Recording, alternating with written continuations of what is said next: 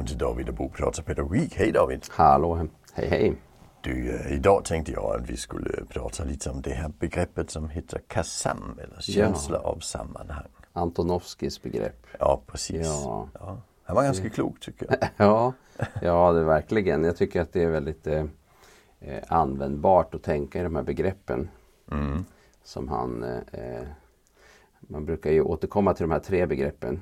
Mm. Det ska vara begripligt, hanterbart och meningsfullt. Ja, precis. Ja. Och vi ska kanske säga att uh, Antonovsky han var hälsopsykolog. Ja, just det. Precis. Så det han sysslade med det är att ta reda på varför folk är friska. Ja. Uh, han tyckte alla andra kollar bara på varför folk blir sjuka. Ja, precis. Så han var intresserad i vad är det som gör att folk är friska. Ja.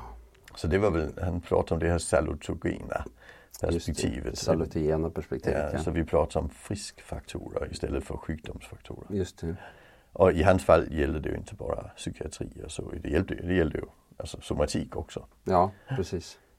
Och just Kazan-begreppet, det han säger där det är att ja, om livet är begripligt, hanterbart och meningsfullt så blir vi inte lika sjuka som Nej. om det inte är. Nej, precis. Och det här är ju eh, viktigt och jag tror att eh, Eh, vi behöver tänka det likväl för barn som för vuxna. Det är ingen skillnad här. Jag tänker att Nej. vi ofta tänker kring det begreppet kopplat till eh, vuxna kanske mer och arbetsplatser och eh, sådär. Men, men vi behöver verkligen ha med det som ett barnperspektiv också. Ja precis. Eh, Anna Sjölund och jag, vi mm. använder ju den, den, den tredelningen för att di diskutera metod. Ja.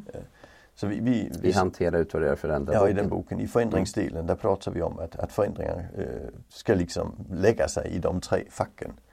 Så öka begripligheten. Eh, mm. och, och, det gör vi ju oftast kring, alltså, alltså kring tydliggörande pedagogik. Att man vet ja. vad som ska hända och att jag gillar begriplighetsbegreppet utifrån att alltså om, om, om om jag begriper varför jag ska göra saker, då är det mm. mycket enklare. Ja. Så, än, än, om jag tycker det är obegripligt. Ja. Och det är inte bara själva aktiviteten utan, utan också varför. Liksom. Mm. Det här med att borsta tänderna är en obegriplig aktivitet om inte jag förstår varför jag ska borsta tänderna. Nej, men precis. Alltså, så, så det varför finns ju i begripligheten. Ja, det gör ju faktiskt det. Mm. Eh, och, och, just det här med när vi tittar på det här med tydliggörande pedagogik då pratar vi om de här frågorna om vad ska vi göra, var och hur och när och, och, och, med, vem, vem och mm. vad ska hända sen. Men också frågan om då varför och, och, när. Och så. Jag tror det är eh, väldigt mycket kärnan i begripligheten ja. i, i skola och förskola i alla fall. Ja, och jag tänker att det känner vi av också om vi sitter i Ja men i något annat sammanhang så behöver vi, eh, vi kan hamna i vad heter, tåget kommer inte i tid. Vi vill mm. veta vad är det som händer egentligen. Vi vill ja. ha svar på frågan vad är det som händer. Eh, när, när kan vi tänkas åka eller åtminstone när kan vi få mer information om när vi kan tänkas åka. Ja, precis. Eh, och, och, så vidare. Vad ska vi göra under tiden? Ja. alltså, vi vill mm. ha lite guidning. Eh, annars blir vi stressade. Ja. Så att det och där gjorde jag och en dansk kollega en liten rolig eh, informell undersökning för några år mm. sedan. Vi eh, gick ut och kollade hur många, alltså på helt vanlig åttonde klass, ja. eh, frågade om eh, hur ser en vanlig lektion ut? Ja. Och två tredjedelar sa först har läraren en genomgång och sen jobbar vi själva med att läraren hjälper till. Det är så de flesta lektioner ser ut. Och en tredjedel sa ingen aning, jag tycker det är olika varje gång. Ja. Och det är jättespännande. Det är väldigt spännande. Ja. För, för 80% av alla lektioner är ungefär på det viset mm. i stort sett alla skolor. Det kan finnas väldigt kreativa lärare som ja, ja, under 80 Det finns stora variationer men, men det är ändå intressant att det finns liksom vissa gemensamma komponenter ja. som man kan sätta ihop och kombinera på olika sätt. Ja. Ja. Men, men att, att, en tredjedel av eleverna, de helt vanliga elever, de har inte ett smack koll. Nej, för de har inte fått syn på eh, rutinen, de har inte fått syn på strukturen, de har inte sett liksom, hur det ser ut. Mm. Och, och, när vi då pratar tydligare, då pratar vi mm. om att inte egentligen att göra rutinerna kraftigare utan mm. bara att tydliggöra dem. Ja, gör det tydligare vad vi gör. Och, och, och, där tror jag skolan missar ganska mycket för, ja. för den tredjedel av, av eleverna. Ja och, och det, det, är, ganska lätt. intressant för att eh, jag träffade på en eh, skolledare för ett antal år sedan eh, och vi kom att prata om just det här med, med, eh, med, med begriplighet och tydlighet och, och, så. Och då var det så att på deras skola så hade de eh, pratat mycket om det här och det var en ganska tuff skola, det var ganska mm. stökigt och, och, så. Det var många som hade det liksom knepigt och, och så de, de, och, och liksom fick det svårt i skolsammanhang. Då hade de, det som är vanligt är att man skriver eh, oftast på höger sida utav tavlan vad som ska hända. Mm. Det här ska hända idag och sen ibland så har man en pil som går ner och, Mm. och man vill liksom visa var är vi och vad ska vi göra härnäst. De hade gjort det lönegrundande att lärarna verkligen gjorde det. Därför att de hade sett att det var så himla väsentligt. Ja, Så att de hade gjort det. De, de, de liksom, det här var en skolledning som drev igenom det här är viktigt. Mm. Och vi ser skillnad. Och, och jag tror att det här är ganska spännande med tanke på det du säger. Om vi liksom ser att en tredjedel, de har liksom, jag har ingen aning. ja, det, är, Mm. det är ganska spännande faktiskt. ja. Så att öka på den här tydligheten eh, kan också göra att, att det kanske blir, mer helt enkelt begripligt eh, vad liksom syftet är med de olika momenten och, och ja alltså, jag, jag, hela lektionen. vi, vi, vi, vi vuxna vill ju gärna lägga ett syfte. Ja. För vi tror det här varför är så viktigt. Men jag Mm. brukar säga att du brukar inte riktigt hålla med. Nej, precis. Vi har haft den diskussionen. Men, men, men jag, jag tycker att, att oftast är begriplighetens varför inte det viktigaste i alla fall. Utan, utan vi, vi kan ta en, om, om, om man ska gå från punkt A till punkt B. Mm. Och, och, det, man ska gå och alla vet att vi ska gå. Och alla vet varför. Vi ska dit för vi ska på kalas. Mm. Det hjälper ju såklart för att gå. Mm. Men om du inte vet hur långt det är. Nej, Då blir det det jättejobbigt. blir jättejobbigt. Ja, alltså, Nej men det är ju så- så- att man, det är så- när man börjar slå ut de olika mot varandra och man tänker sig om vi ska Ja. satsa på någon.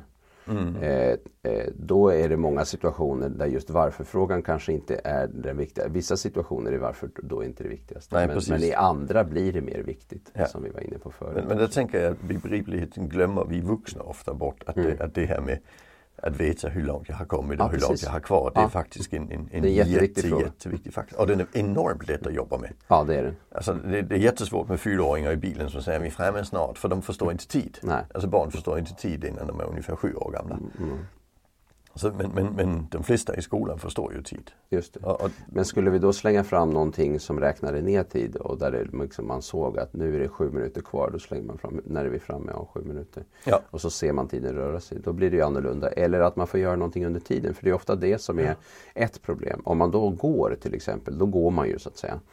Eh, eh, men det är också därför vi använder oss av eh, tidshjälpmedel. Det är Ja. för att på något sätt begripliggöra tid. Mm. Eller begri- och, och tid också i förhållande till frågan om hur långt det är kvar på någonting. Inte Ja. bara hur lång tid det är tills vi ska göra någonting utan Ja. också hur lång tid det ska pågå. alltså, flygresor är ganska intressant. Alltså, du, blir hela tiden, du kan hela tiden gå in och se var du är någonstans och hur långt det är kvar Mm. och så vidare på långresor. Just för det att folk, vi vet att det, det är viktigt.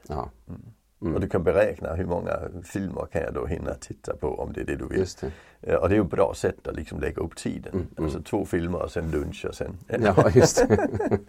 Och, och inte en väldigt treårsorienterad i. Ja just det, det finns en inramning hela Ja. Man är, man är omhändertagen hela momentet, Ja. turen. Och, och, och då kan vi ju ändå komma in i den här väldigt tydliga tydliggörande som vi har i autismfältet. Som Mm. jag tycker att vanliga förskolor har stor nytta av. Ja väldigt, Att- eh, att- att, man använder sig av den pedagogiken. För vi får ju de här barnen som säger, har vi ätit lunch? Mm. Alltså de, de, eh, de har ju tappat.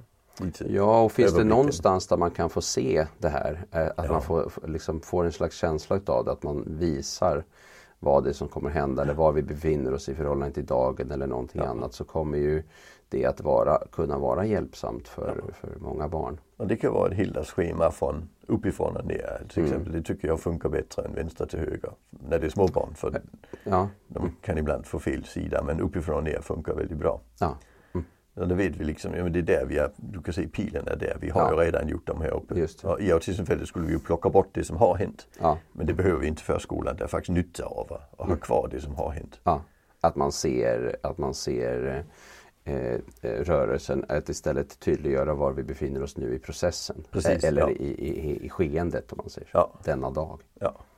Precis. Och det kan vi ju se för att eh, jag har ju precis som du jobbat mycket med, med personer med intellektuell funktionsnedsättning. Eh, eh, särskolor och olika verksamheter. Mm. Och eh, där är man ju ofta, eh, ofta används det ju scheman och grejer för, för, att man vet att det här är betydelsefullt. Sen finns det ett stort utvecklingsområde att, inom det området eftersom det går att specificera det här på så många olika sätt. Ja. Men då är det ju vissa som inte klarar av en hel dag eh, ja. utan att det blir liksom för mycket. Att man gör lite grann eller på någon skola så använder de det här att de hade ett kort så på ena sidan var det vad jag gjorde nu och på andra sidan så vände man på kortet. Då var det det man ska göra sen. Ja. Så att nu och sen. jo, och, och, och, det gäller ju då personer som har så pass svårt att förstå tid. Så de kan, ja. in, de kan inte överblicka. Det, det går inte att, det finns nej. ingen chans att överblicka mer. Men då är det ändå det att jag vet vad jag ska göra sen. Och, ja. och där tänker vi, men hur länge ska jag då göra detta? Men, mm. men de personer som inte förstår tid, för dem är det inte så relevant alla gånger. Nej, det behövs inte alltid Nej, på samma sätt. Det, det är mer det att jag vet det slut när vi sen. börjar med det andra. Ja. ja. Mm. Så att, eh, och där blir det ju olika om man tänker sig att man jobbar i en Ja men i, en, i, i, förskolan som ju är en bred verksamhet där vi har typ mm. alla barn.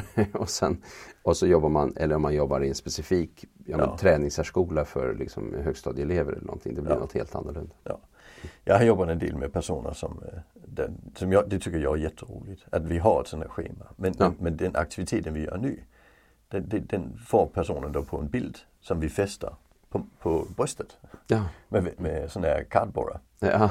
så, så där kan han bara titta ner så vet han vad vi sysslar ja, med. Just ja, det, det är jätteroligt. Och jag tänker i en vanlig förskola så är det någon elev som borde ha den typen av stöd. Ja, Medan de andra, det räcker att de har schemat. Mm. Liksom. Men, men det är någon som glömmer bort vad vi sysslar med. Så, så, ja. så det ligger ju inom ramen för det här begreppet begriplighet. Mm. Eh, att göra det begrip, begripligt. Och, och jag tror att vi eh, vuxna många gånger undervärderar eh, nyttan av att begripliggöra situationer för barn. Vi tänker att ja. barnen bara ska följa med i, i, i situationer. Problemet där är ju att då kräver vi hela tiden någon form av lydnad. Eh, eller, för ja. att man ska liksom bara göra det som de vuxna säger. Istället för att se att eh, nu är vi på väg och ska göra den här saken. Och, och då kanske man kan röra sig i riktning mot ökad autonomi, självständighet när man börjar förstå vad det är som ska hända i olika moment och, och, mm. och, och, så småningom så kanske man till och med börjar ta ansvar för olika moment på ett annat sätt. Det är en, med ökad ålder. Jag, jag tycker just, just strukturen är spännande just i förhållande till ja. lydnad. För folk tror ju att strukturen används för att få personen att lyda. Mm. Men jag tror ju ofta, alltså, om den används rätt så handlar det om att hjälpa personen att navigera. Mm. Uh, vi, vi, kan ta ett exempel. Uh, mm. om, om, om, jag tänker att om det är så att du inte har begripligheten utan vi förväntar lydnad. Mm. Där den enda begriplighet du kan hitta där det är ju, det är ju att du har rätt för den. du ska lyda. Det, den typen av barn vill vi ju inte ha. Mm. Men om vi då har en helt vanlig familj hemma och man ska städa på rummet. Det är en sån klassiker. Mm. Och sen säger vi till fyraåringen, nu ska du städa på rummet. Och fyraåringen vet inte var han ska börja och var han ska sluta. Han har han har ingen susning. Mm. Och det blir en väldigt obegriplig situation. Mm. Om vi då står och skriker och gör honom rätt och så vidare. Det, det kommer inte att hjälpa heller. För han, han, kan ju inte det. Mm. Men om vi däremot säger börja med att plocka legot. Mm. alltså näst, efter det så säger vi nu tar vi bilarna. Alltså, på det viset så skapar vi en begriplighet kring situationen som gör att han kan sortera i alla de här intrycken. Det. Och, och, det leder oss faktiskt in i nästa begrepp. För det som händer då det är ju att statssituationen blir begriplig men den blir också hanterbar. Ja, just det. Alltså för, för, för hanterbarhet handlar väldigt mycket om, om perception tänker jag. Mm. Alltså, så, så genom att kunna veta vad det är jag ska leta efter bland alla de här intrycken. Då blir min vardag mer hanterbar. Och det ökar begripligheten också. Mm, mm. Det tycker jag är jättespännande. Just det. Ja, eh, precis. Eh, hanterbarheten eh, blir olika. Jag bara tänkte på att eh, när vi tänker på det här med att, vi ska, att det finns en, en slags gång i en situation. Eh, först gör vi det här och sen gör vi det här och sen gör vi det här och sen gör vi det här. Det gäller ju många situationer när vi ska städa upp efter någonting ja. eller när vi ska sätta på oss kläder eller när vi ska Liksom, eh, det är bra när man sätter på sig kläder. Jag brukar säga att när ja. blir stressade så, så, när barn blir stressade så kan de ju missa just gången. Ja, vilken eh, ordning. Ja, och, mm. och Stålmannen är världens bästa exempel. Mm ja, men när, när, han blir superstressad då får han ju alltid kalsongerna utan på byxorna. ja, det är bra. Nej men, ja, men, nej men då är det ju intressant det här för då kan man ju tänka sig att eh, eh vi kan ha den verbala lösningen, det vill säga det som du sa först så eh, mm. sorterar vi det här och så tar vi bilarna och så tar vi vi kan också tänka oss att, eh, att vi eh, i, i, vissa situationer skapar en struktur för det genom att ha bilder på det. Ja. Så att man hjälper barnen att bli mer självständiga. Bli mer självständiga mm. i det, ja. Mm. Precis. Och, och det, det vi måste ju anpassa efter vad barnen kan. Alltså, ja, jag tror att där har vi ett utvecklingsutrymme helt enkelt. Mm. Eh, och när vi börjar jobba med det, med begripligheten på det sättet, då blir det också mer hanterbart. Mm. Så att säga. Mm. Jag brukar säga just kring, kring, kring städningen att, att är det så att man upplever att det är ett problem med barn mm. där städar så, så börja med att göra det tillsammans med barnet. Mm. Där vi just säger nu tar vi lego, nu tar vi bilen, nu tar vi. Mm. Eh, och nästa steg det är då att man, man bara verbalt hjälper barnet. Mm. Och, och, tre, och sen kan man göra tillsammans med barnet en lista på vad det är vi ska göra. Och sen så småningom så ökar vi ju autonomin väldigt kraftigt. Ja. Ja. Och sen kan man ju säga, är inte det lydnad då? Nej, alltså du kan fortfarande skapa autonomi där barnen har en känsla av att man lyckas. Och sen kan vi ju bestämma. Ja, man kan också få, eh, så säga, man kan också dra med barnen i att eh, involveras i processen. Jag var på en förskola där de hade gjort små eh, lappar på kläderna som, och så gick de med barnen och tittade på vädret i hallen och så satte de upp de här, fick barnen plocka ut lapparna och så att säga skapa sin egen tydliggörande pedagogik. Ja, precis. Ja. Och när de skapar sin egen tydliggörande pedagogik genom att sätta upp lapparna så kan man dels diskutera det och då är barnen involverade i själva processen. Mm. Att vi ska gå ut, det är ingen diskussion om att vi ska gå ut. Nej. Så det är ingen diskussion att... om att det ska vara städat. Nej precis. Nej. Men vi kan alltid snacka vissa... om vad ska vi ta först då. Så skapa ja. självbestämmande i mm, situationen. Mm, ja. Uh, och där är vi ju inne på det här med att när man tränar självständighet, det gör ja. man ju med små steg. Mm, det gör precis. man inte med att säga gör vad du vill. nej precis. det blir inte bra.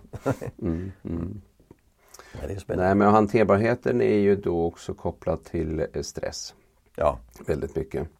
Eh, känner man att man inte hanterar en situation. Och vi kan ju ta eh, exemplet vuxna som har för mycket på arbetet.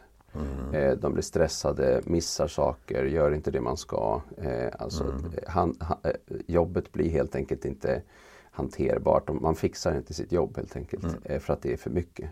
Eller att man har skjutit upp saker och ting när man är liksom, studerar eller, eller så, pluggar på gymnasiet eller vad som helst och sen så skjuter man upp det.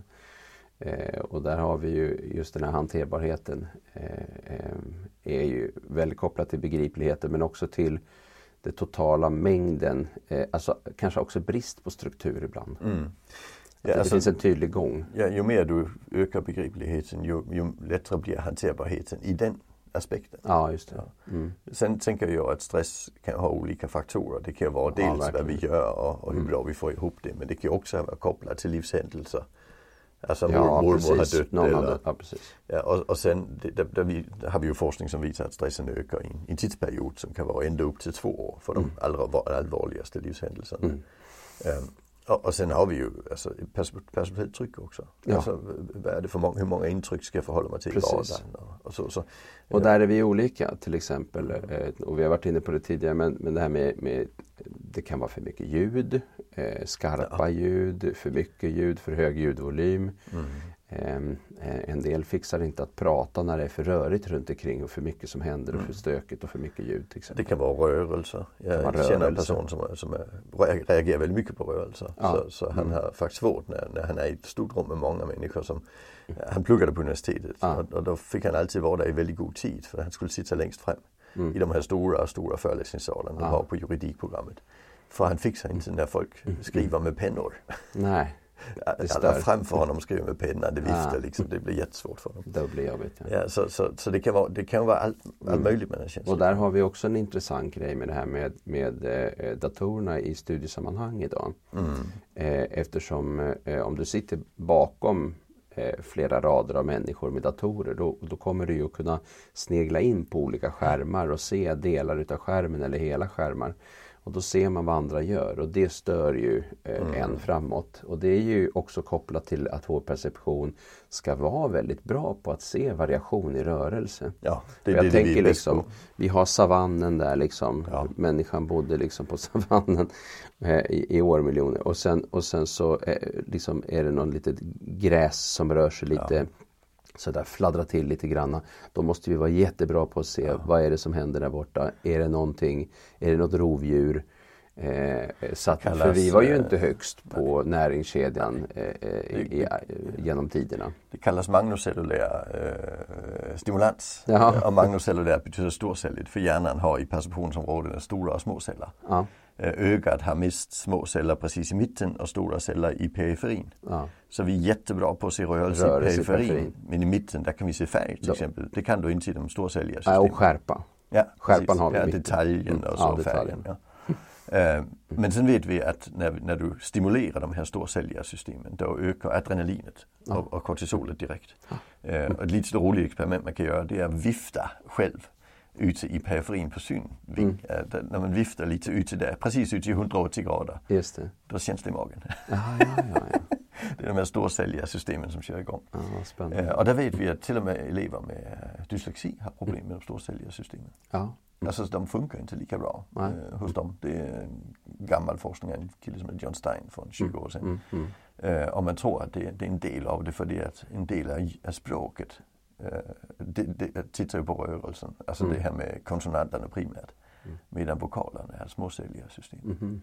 Vad Spännande. Så det får sådana konsekvenser de här sätten vi är gjorda för. Ja, just det. Och sen Att vi har en biologi liksom som, Ja. som påverkar oss och, och, och vi, är, vi är väldigt mycket som vi har varit i, i liksom tusentals år till tusentals år, Ja. miljoner år. Ja.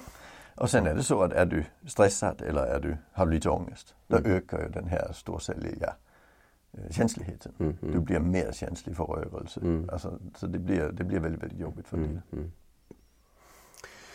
Ja, väldigt spännande Mm. eh, att tänka kring det där. Och då tänker jag också på att eh, eh, är det väldigt flimrigt, vi, vi kan ju ta det här, vi har ju varit inne på det förr, men, men, men det här med flimriga eh, lysrör eller, eller det är Ja. skärmar som eh, är igång och folk gör olika saker och eh, man kanske sitter och tittar på någon som håller på med någonting helt annat och man, man förstår att den personen inte lyssnar så börjar man fundera på vad den gör istället och, och sånt där. Alltså det, det är en massa störningsmoment och det är ju en del eh, som liksom helt enkelt säger nu, nu drar vi igen datorn och då blir det ofta ett ganska stort liv för eh, det finns ju de som använder det som ett hjälpmedel där de verkligen behöver datorn som hjälpmedel för att skriva och för att göra saker. Mm.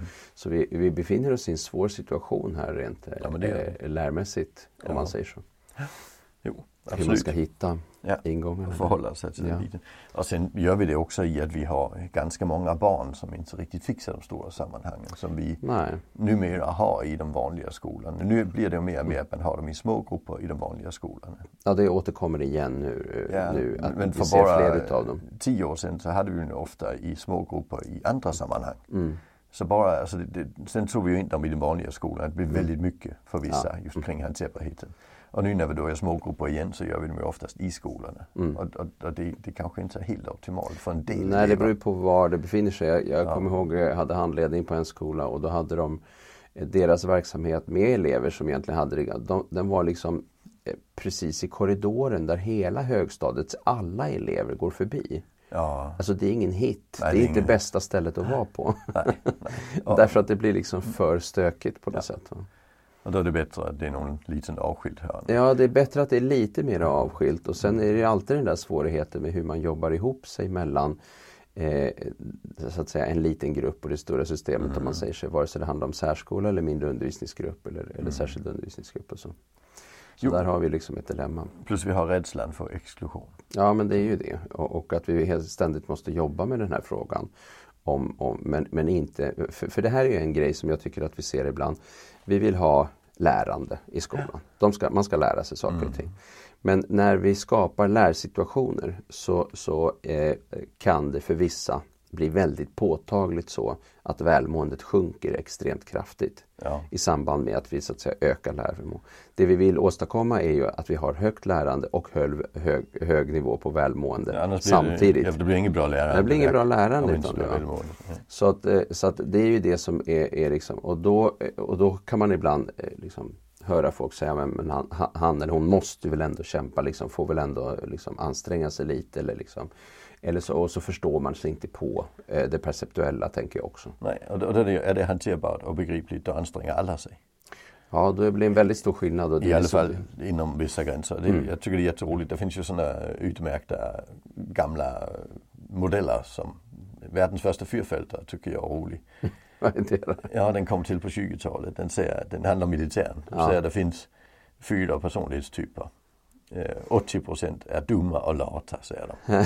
eh, och, och dumma i deras, det är ju upp till ungefär 115 IQ. Liksom. Så det, det är också normal grupp. Eh, men, men, och sen har vi ju då de här sista eh, 20 procenten. De fördelar sig i tre grupper. Ja. Eh, där finns de som är kloka och flitiga. Mhm. Och sen finns de som är kloka och lata och de som är dumma och flitiga. Så det, det, det, det är väldigt grovt detta. Så är det. Ja. ja, det var 20-talet Det är också. 20-talet. Nej, Men, men, men militären jobbar fortfarande efter det. De säger så här att 80 procent är dumma och lata. Det innebär att vi kan faktiskt få det. Alltså det är ju de som är de vanliga soldaterna. Mm, Har- Är de inte lata, det funkar det inte. Mhm. Alltså har du dumma och flitiga personer så kan, har du, du har ingen koll. Det, det blir inte bra Mm. i en irakisk modell. Liksom. Eh, Så soldater ska vara lata, så de ska bara gå när vi ber dem. Liksom. På det sättet. Ja, medan de Lydiga med andra ord. Ja, men de blir lite mer lydiga. Ja. Fast inte för att de vill utan för det att, ja okej då. Och det är bra, Mm. liksom, för det att vi vill inte att folk liksom, I ja, ett militärt sammanhang. ja, vi vill inte att folk säger skjut mig, skjut mig. Det blir inte bra. Alltså så, så, så dumma och lata, det är bra. De håller sig lite undan och så. Eh, och nästa nivå, de här eh, alltså, kloka och, och lata. Det är ju de som ska vara högsta befälen. För de blir bra på att delegera. Och de som är kloka och flitiga, det är de mellanbefälen. så, så liksom man har dem, roligt, ja. hur Men det man, som är intressant, tänka liksom på, Ja. på det, det civila livets konstruktioner. ja precis. Problemet, problemet är oftast när en eh, klok och flitig eh, kommer upp i karriären och blir högsta chef. Mm. För då slutar han, alltså han delegerar ju inte. Nej, då, då, precis. Ja, Och då, då och det blir blir det faktiskt- kontro kontrollbehovet. Ja, det blir kontrollbehovet blir maximalt. maximalt. Det blir Maximalt. inte bra. Nej. Så det finns ju vissa sanningar i den här gamla, Ja, gamla, blir gamla lite- modellen. Ja. Ja. Det blir lite komisk också. Men, men, Men, eh, men det som men- jag tycker är det, det vi kan ta med oss här, det är ju det med att de säger 80, minst 80 procent är lata. Ja, det är väldigt intressant. Det tycker jag, för, Ja, för, men för det vi, vi betyder en att man i princip tycker att människan är hyfsat lat av sig. Eller, eller bekväm, eller vad ska Ja. vi använda för ord? Jag, menar, jag, jag gillar ordet lättja. Alltså för, det- för mig är lättja inget negativt ord. Lättja det är också att sitta i solstolen en sommar. Ja, ja precis. Eh, Och, sen tycker Men jag att, slags, att var eh, vi inte lata så hade vi varit på stenåldern fortfarande. Varenda redskap vi uppfunnit Ja, har just det. varit Är för att eh, åstadkomma eh, liksom, Ja. att, någon, att det blir lättare, att vi får mer tid, att vi kan få mer tid över för annat och sånt. Och, och, om vi då anser att det är barnen som ska vara flitiga hela tiden, då blir det ju jättebesvärligt. Mm. Så det handlar hela tiden om hur kan vi skapa begriplighet och hanterbarhet så Mm. att barnen faktiskt lyckas göra saker, för de kommer inte göra det av sig själv. De behöver saker som hjälper dem att komma över den här inneboende lättjan som de flesta av oss har. Mm, mm, mm. Ja, och det är väl därför som en del börjar då säga att, eh, och det är därför vi måste börja jobba, att vi måste jobba med motivationshöjande insatser. Säger Ja, ju en del då. Den del, jag, jag, jag förstår inte det ordet. Nej, men en del det, säger det så. det. Ja. Ja, Mm. precis. Eh, av det skälet Ja. kan man ju tänka sig då. Och där, där finns det ju mycket att tänka kring det. Eh, liksom. Det finns mycket problematik kopplat till det också. Ja, men jag tänker det handlar ju i, även, även det begreppet handlar ju om att öka begripligheten och hanterbarheten. Då, då kommer det av sig själv. Istället för att, att ställa upp ett mål och alla de här sakerna som annars är stora. De, de kräver att du först har de två andra på plats innan du kan börja coach redskapen så att säga. Det tycker jag är viktigt.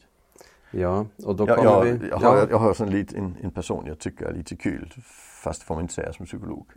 Och det är det här programmet, eh, det som är helt förfärligt tycker jag, eh, som heter Lyxfällan.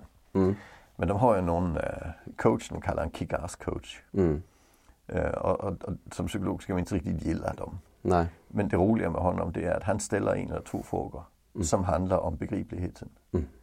Mm. Så, så jag tycker faktiskt att han är, han är enormt konfronterande. Han, han är inte omhändertagande som vi psykologer skulle säga man ska vara. Nej. Men han, han, han är Han ställer de frågorna. som handlar om begripligheten. Eh, och, och, och den vägen in i motivationen. Eh, och och det, är, det är smart. Det är det, för det är inte det här med att ta, dra ihop dig. Kan du ta ett exempel?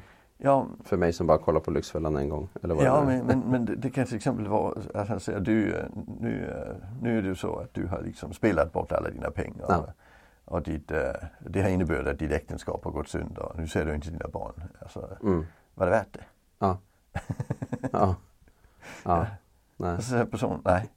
Och där skulle vi psykologer säga att det är en enormt ledande fråga. Ja. Men, men, men, men det han går in i det, och han, han säger, hur prioriterar du? Ja. Eh, men han går egentligen in i begripligheten. Mm. Var det värt det? Ja.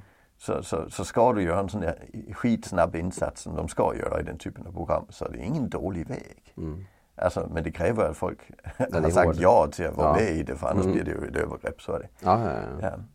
Men, men, men, han går på begriplighet varje gång mm. och det mm. tycker jag lite, det, det är fascinerande hur kraftfullt det blir för en del. Mm. Att man börjar ändå tänka efter vad har jag gjort med mitt liv och hur, hur, hur kunde det bli så här? Vilket ju då tar oss till sista det frågan. Hårda. Sista frågan Ja, menings, mening. meningsfullhet. Precis. Ja. Eh, och, och, den är ju mycket, mycket svårare. Mm. Eh. Här är det lätt att översätta till, alltså till, till, till vuxenvärlden har vi ju många exempel. Jag har eh, stött på två personer eh, som har jobbat på bank mm. eh, och eh, till slut tyckte att de ledsnade på det och ville göra någonting mera med händerna. Mm. Och, eh, en blev eh, snickare och eh, den andra funderade på eh, ett antal andra hantverksyrken och hade mm. liksom tröttnat på papper och pengar och, och liksom det här livet i, på banken. Liksom. Mm. Eh, ja, det, och, och då det, tänker jag att det, är också stora... kopplat, kopplat väldigt mycket till meningsfullhetsfrågan. Också, ja, det är den liksom, stora frågan. Ja. Vad gör jag med mitt liv? Ja precis. Ja. Uh, den, den, är, den är annorlunda än de två andra. Ja, vi har en ganska intressant eh, tid vi lever i på det sättet att eh, du kommer in på en förskola vid ett plus lite sådär någonstans. Mm. Eh, ganska vanligt, ett, ett och ett halvt och en del lite äldre. Så. Mm. Och eh, sen går du i förskola. Mm. Eh, och sen går du på sex års. Och eh, sen så går du i skolan. Och sen så går du på, kanske på, på gymnasiet förhoppningsvis. Eh, och sen så jobbar du och sen så kör du hela det racet till 65, 67, 68 och så blir det 69, 70. Och sen, sen kan du välja fritt. Ja. men, in, men under hela den här tiden så ska vi finna mening. Ja. Från ett års ålder till 67, 68 års ålder. Men det är mycket lättare när man är ett. Ja, för då har vi så mycket små saker som man kan göra ja, som är spännande. Men också för, ja, för det, det, men, alltså, inlärning är väldigt meningsfullt för små barn. Mm, mm, mm, ja. Alltså, och, och sen, det är meningsfullt att sitta ja. med en, en, bil och köra fram och tillbaka, att leka med en docka, att hålla ja. på och cykla, att eh, springa omkring. Eh, liksom, och, och, de, sandlådan. Så är det, men, men, på jobbet är det mycket svårare på banken. Alltså det, det, ja, det är någonstans. Men också många som vi ser som sloknar i skolan. För precis. de tycker inte att det känns meningsfullt. När, när begripligheten, hanterbarheten försvinner så är det väldigt svårt att hålla mening mm, i det. Mm. Sen tänker jag att, att mening också är, är, har en social komponent. Mm. Alltså jag, jag, tror ju på människan som, som flockvarelse, att det är den kraftfullaste faktorn i, i människans fungerande. Mm. Uh, och, och, det ser jag tycker det är jätteroligt med det här med ja, vi, när, när, när, vi får ett nytt barnbarn, vi har mm. en ja. numera. Ja, precis. Så, så ser man ju att, att de upptäcker ju sin egen flock mm. Någonstans där vid två, tre månaders ålder börjar känna igen sina syskon. Och mm. mamma och pappa, men det är lite oroligt även med mormor och så här. Mm. Även upp i nio månaders ålder liksom. Men det är ungefär vid ett års ålder, där har flocken utvidgats med, med mormor och mm. farmor ja, och ja. Far, farfar och så vidare. Liksom, ja. Um, och, och sen ökar ju den här flockstorleken. Mm. Och jag tror att den meningsfullhet man hittar hos en sju månaders nio månaders barn, det handlar om flocken. Mm. Jag är en del av den här flocken. Det ser ja. du enormt hos en ett och ett halvt. Mm. Hos en femåring också. Alltså det, det är ju någonstans när man börjar frigöra sig lite från flocken där i 12-13 års ålder. Att, att där blir det jättesvårt eh, med mening för barn. Mm, mm. För, för, annars har ju det här varit annars meningen. har vi, det sociala blir, blir det som blir kittet. Ja, blir... och då måste man hitta kompisar. Ja. Så man kan mm. fortsätta flocktillhörigheten eh, mm. där vid 12-13 års ålder. De som gör det Jättebra. Man differentierar ut sig från sitt ursprung och sin familj ja. lite granna och börjar söka sig mot kompisar. Omorientera sig Kompisbubblan blir det, liksom, om vi skulle rita det som cirklar så är ju det lilla barnet och liksom föräldrarna ja. och syskonen det är liksom en bubbla. Ja. Och sen så utökas det med nya cirklar ja. allt eftersom där kompiscirkeln eller bubblan den blir jättestor. Så flyttar centrum sig där. Ja, mm. precis. Uh, och, och de barn som får kompisar Mm. Det funkar ju. Ja. de som inte får, då nej, blir det jättesvårt. Då har de inte, nej. Ja.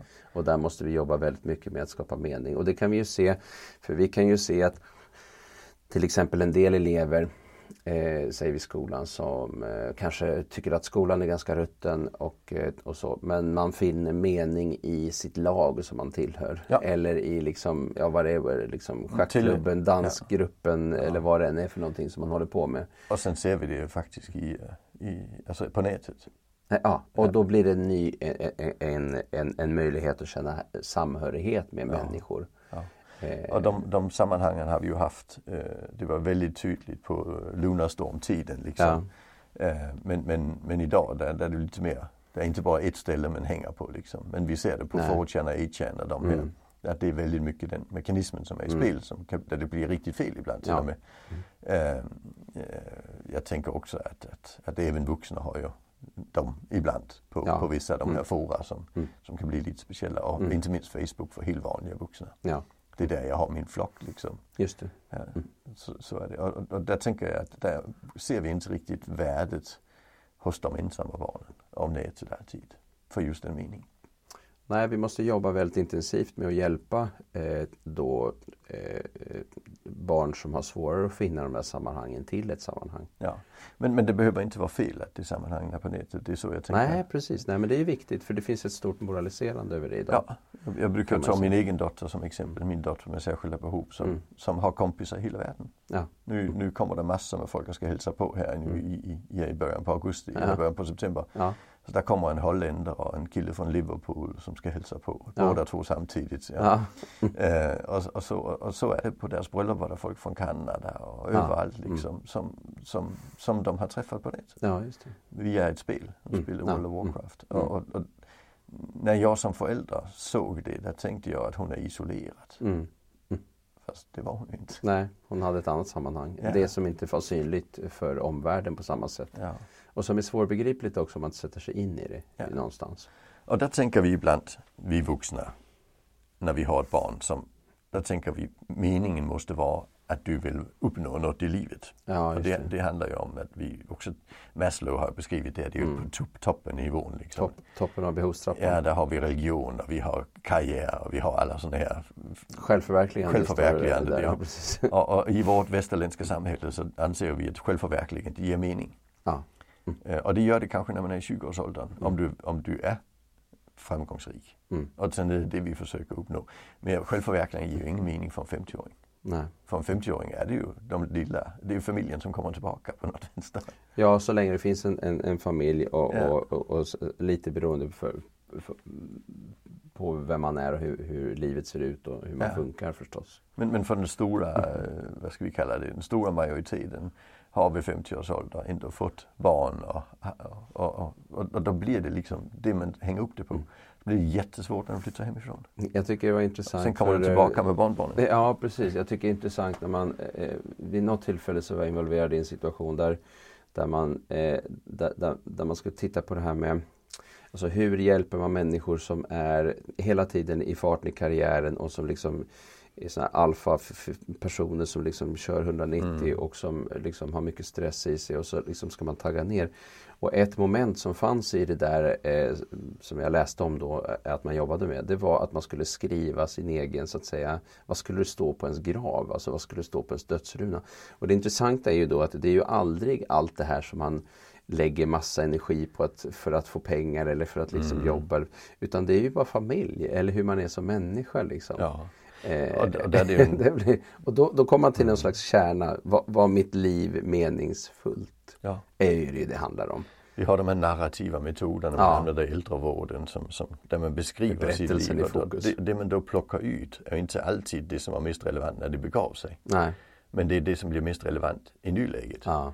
Och, och där tänker jag, det, där, har man valt annorlunda än det mer klassiska, har man inte fått barn och så, det är inte säkert det är ett val heller. Nej, absolut inte. Eh, då, då är det ju större utmaningar att Mm. skaffa mening. Ja. Alltså, och, och då måste vi hitta mening på ett annat vis. Annars, det. annars får vi isolerade och deprimerade människor. För, Ja, för och det, där det, är det, det, det, det jag tänker. Antonovsky sa. Har vi Ja. inte mening så kommer depressionen. Nej, då kom depressionen. Och, och det är det som också är betydelsefullt när vi tittar på eh, för den grupp där vi ser mest ohälsa, eh, där ohälsan har ökat mest, är i gruppen 16 till 25. Mm. Brukar man prata om. Och, eh, och att det är någonting som har skett. Och, och eh, många forskare menar att det här är relaterat till arbetslivets förändring. Eh, och jag tänker att det handlar väldigt mycket om just det här sökandet efter mening. Ja. Att det är, är, är, och när man inte känner att man har en riktning på sitt meningssökande, liksom, att Mm. man inte vet vad, vad ska ge mening i mitt liv. Därför att nu har ju världen är ju så öppen så man ser ju hur folk lever i alla möjliga och, och, och folk kan också både vara liksom snygga och rika och liksom Mm. glada och liksom allt ser så bra ut och här går jag omkring och ser, tycker att livet är deppigt. Men Eh, där kan man säga att vi har, det vi har tagit, det vi har gett folk i den Mm. åldern, Ja, det är valfrihet. Ja, vi har enorm valfrihet. Ja, eh, och det betyder att I många måste- samhällen, inte i alla samhällen. Nej, men det betyder att du ändå måste skapa din egen mening. Just precis. Och det är det som jag tror är en av de stora svårigheterna som är. Att, att ska det bara vara så här nu liksom, ska, man, man kanske liksom inte har ett jobb eller man håller på att söka jobb eller man kanske eh, går på någon utbildning och inte riktigt vet om man vill jobba med det man ska jobba eller man kanske eh, jobbar på någon Konsum, ICA, hemtjänsten, whatever och undrar liksom är det här det liv jag ska ha? Mm. Och vart ska jag någonstans? Och alla, många andra gör dit och datten men vart ska jag och vad gör jag i livet? Och så. Mm. Min, Så det har pappa blivit född, klart mer komplicerat. ja, min pappa föddes eh, 1921 Mm. eh, och han berättade ju att, eh, att när han kom upp i den åldern då, då efter skolan, han hade faktiskt en jäkla tur för han fick fri plats i realskolan på grund av Mm. hög begåvning sa de. Eh, och sen var det ju slut efter realskolan då. Men där fick han en lärlingplats eh, som kontorsarbetare liksom. och, och, och då, då, så, då var det utstakat. Ja. Då var det klart. Det här var det som gällde i mitt Ja, liv. Liksom. ja precis. Ja. Då behöver man inte hålla på med liksom, och Nej. tänka på det. Men så är det ju inte idag. Nej, verkligen inte. Alltså, så, så jag kan tänka Och att man kan göra nystarter i livet. Du kan göra Ja. nystart vid 50, 90, liksom 60, Och 70, varje gång- 90. varje gång vi gör det handlar det om meningsbegreppet. Ja, hela tiden. Hela tiden. Ja. Jo, men jag tänker på Det den här hundraåringen plus whatever som, som eh, liksom började måla och tyckte att, eh, att eh, livet vänder vid hundra var rubriken. ja precis, det är jätteunderbart. Ja. Men det spännande är hur skapar vi då en begriplig, hanterbar och meningsfull vardag i skola och förskola. Ja, just det, precis. Ja. Det är ju jättespännande. Jättespännande. För, för, för då blir meningen ju just, jag tror det väldigt mycket handlar om att se till att det sociala fungerar. Ja, det sociala och sen måste man också detaljer. känna att man lyckas. Ja, Alltså, för det är ju det att, att kapitalt misslyckas gång på gång på gång. Eh, då det, går vi in i vi det säga. funkar inte. Nej. Ja, precis, det funkar inte. Ja. Och då eh, eh, eh, har vi ju liksom ett, pro- ett problem. Om vi nu tänker oss att vi har en klass femma och så har vi femmans matte. Men eh, tvåans eller treans matte hade passat bättre för några elever. Men det är ju femmans matte vi ska köra nu. Eh, eh, hur får vi med oss de här, den här eleven eller de här eleverna som, som har liksom, där det är för svårt? Mm. Eh, och, och risken där, eh, och, och samtidigt så har vi några i klassen som liksom skulle kanske kunna ha sjuans mattebok. Alltså, Ja. Vi har ett spann på liksom 4-5 år, eh, år eller mer ibland i varje klass. Eh, och samtidigt så ska man försöka få med sig allihopa. Eh, och då finns det en tendens, tänker jag, att man liksom eh, eh skapar en skola för den här stora bulken av personer i mitten medan den här svansen som har väldigt lätt för sig och den här svansen som har väldigt svårt för sig eh, där man inte riktigt lika vass på att hitta, hitta möjligheter. Åtminstone eh, för vissa lärare är ju duktiga på att Ja. lyckas med det. Men, Det handlar ju också om, om det graden av stöd i båda Ja. ändarna man ger. Men, Ja. men, men, men i systemet, Utmaningen där men också att fånga upp. Det Men, det- men systemet är väldigt systemet, statiskt ja, och systemet är hårt. statiskt. Det krävs, Ja. det krävs en, en, en, individuell kompetens för att lyfta Ja, det. ja, det gör det verkligen. Och eh, betygssystemet är ju, är, är ju hårt också. Liksom, eh, Ja, det, det, är ju, det är ju jättebra för de som får höga betyg. Just för de får ju just Ja. veta att de känner att de Precis. lyckas och så vidare. Men de, och sen har jag upptäckt att det finns de som förväntar E. Ja, de förväntar sig och då lägger och, de och ner. Tycker, tycker de, men det kan också vara sådana som tycker de lyckas med det. Och då är det också okej. Ja, Problemet är ju att om, om, om man förväntas få ett C eller ett B eller ett A och sen få E hela tiden, Mm. då blir det inte bra. Så, så, så det, det, alltså det är väldigt, väldigt hårt. Det- det- Eh, och utslagningen är väldigt stor. Och den, och den påverkar ju också upplevelsen. Alltså om man, om man gång på gång upplever att man, man misslyckas, om man får F, Ja, och F, liksom, om ja, man liksom känner att det här, jag förstår inte vad de säger för någonting Mm. och det känns bara tråkigt och jag lyckas inte heller vara koncentrerad så länge som jag borde. Jag får mycket skäll, jag får höra mitt namn det tusen finns ju gånger. inget vetenskapligt stöd för att F har någon, har någon betydelse. Nej, Alltså, det, finns i heller princip- inget vetenskapligt stöd för att eh, alla elever kan nå betygsskalan E. Nej, nej. Men, men i princip skulle man kunna plocka bort F.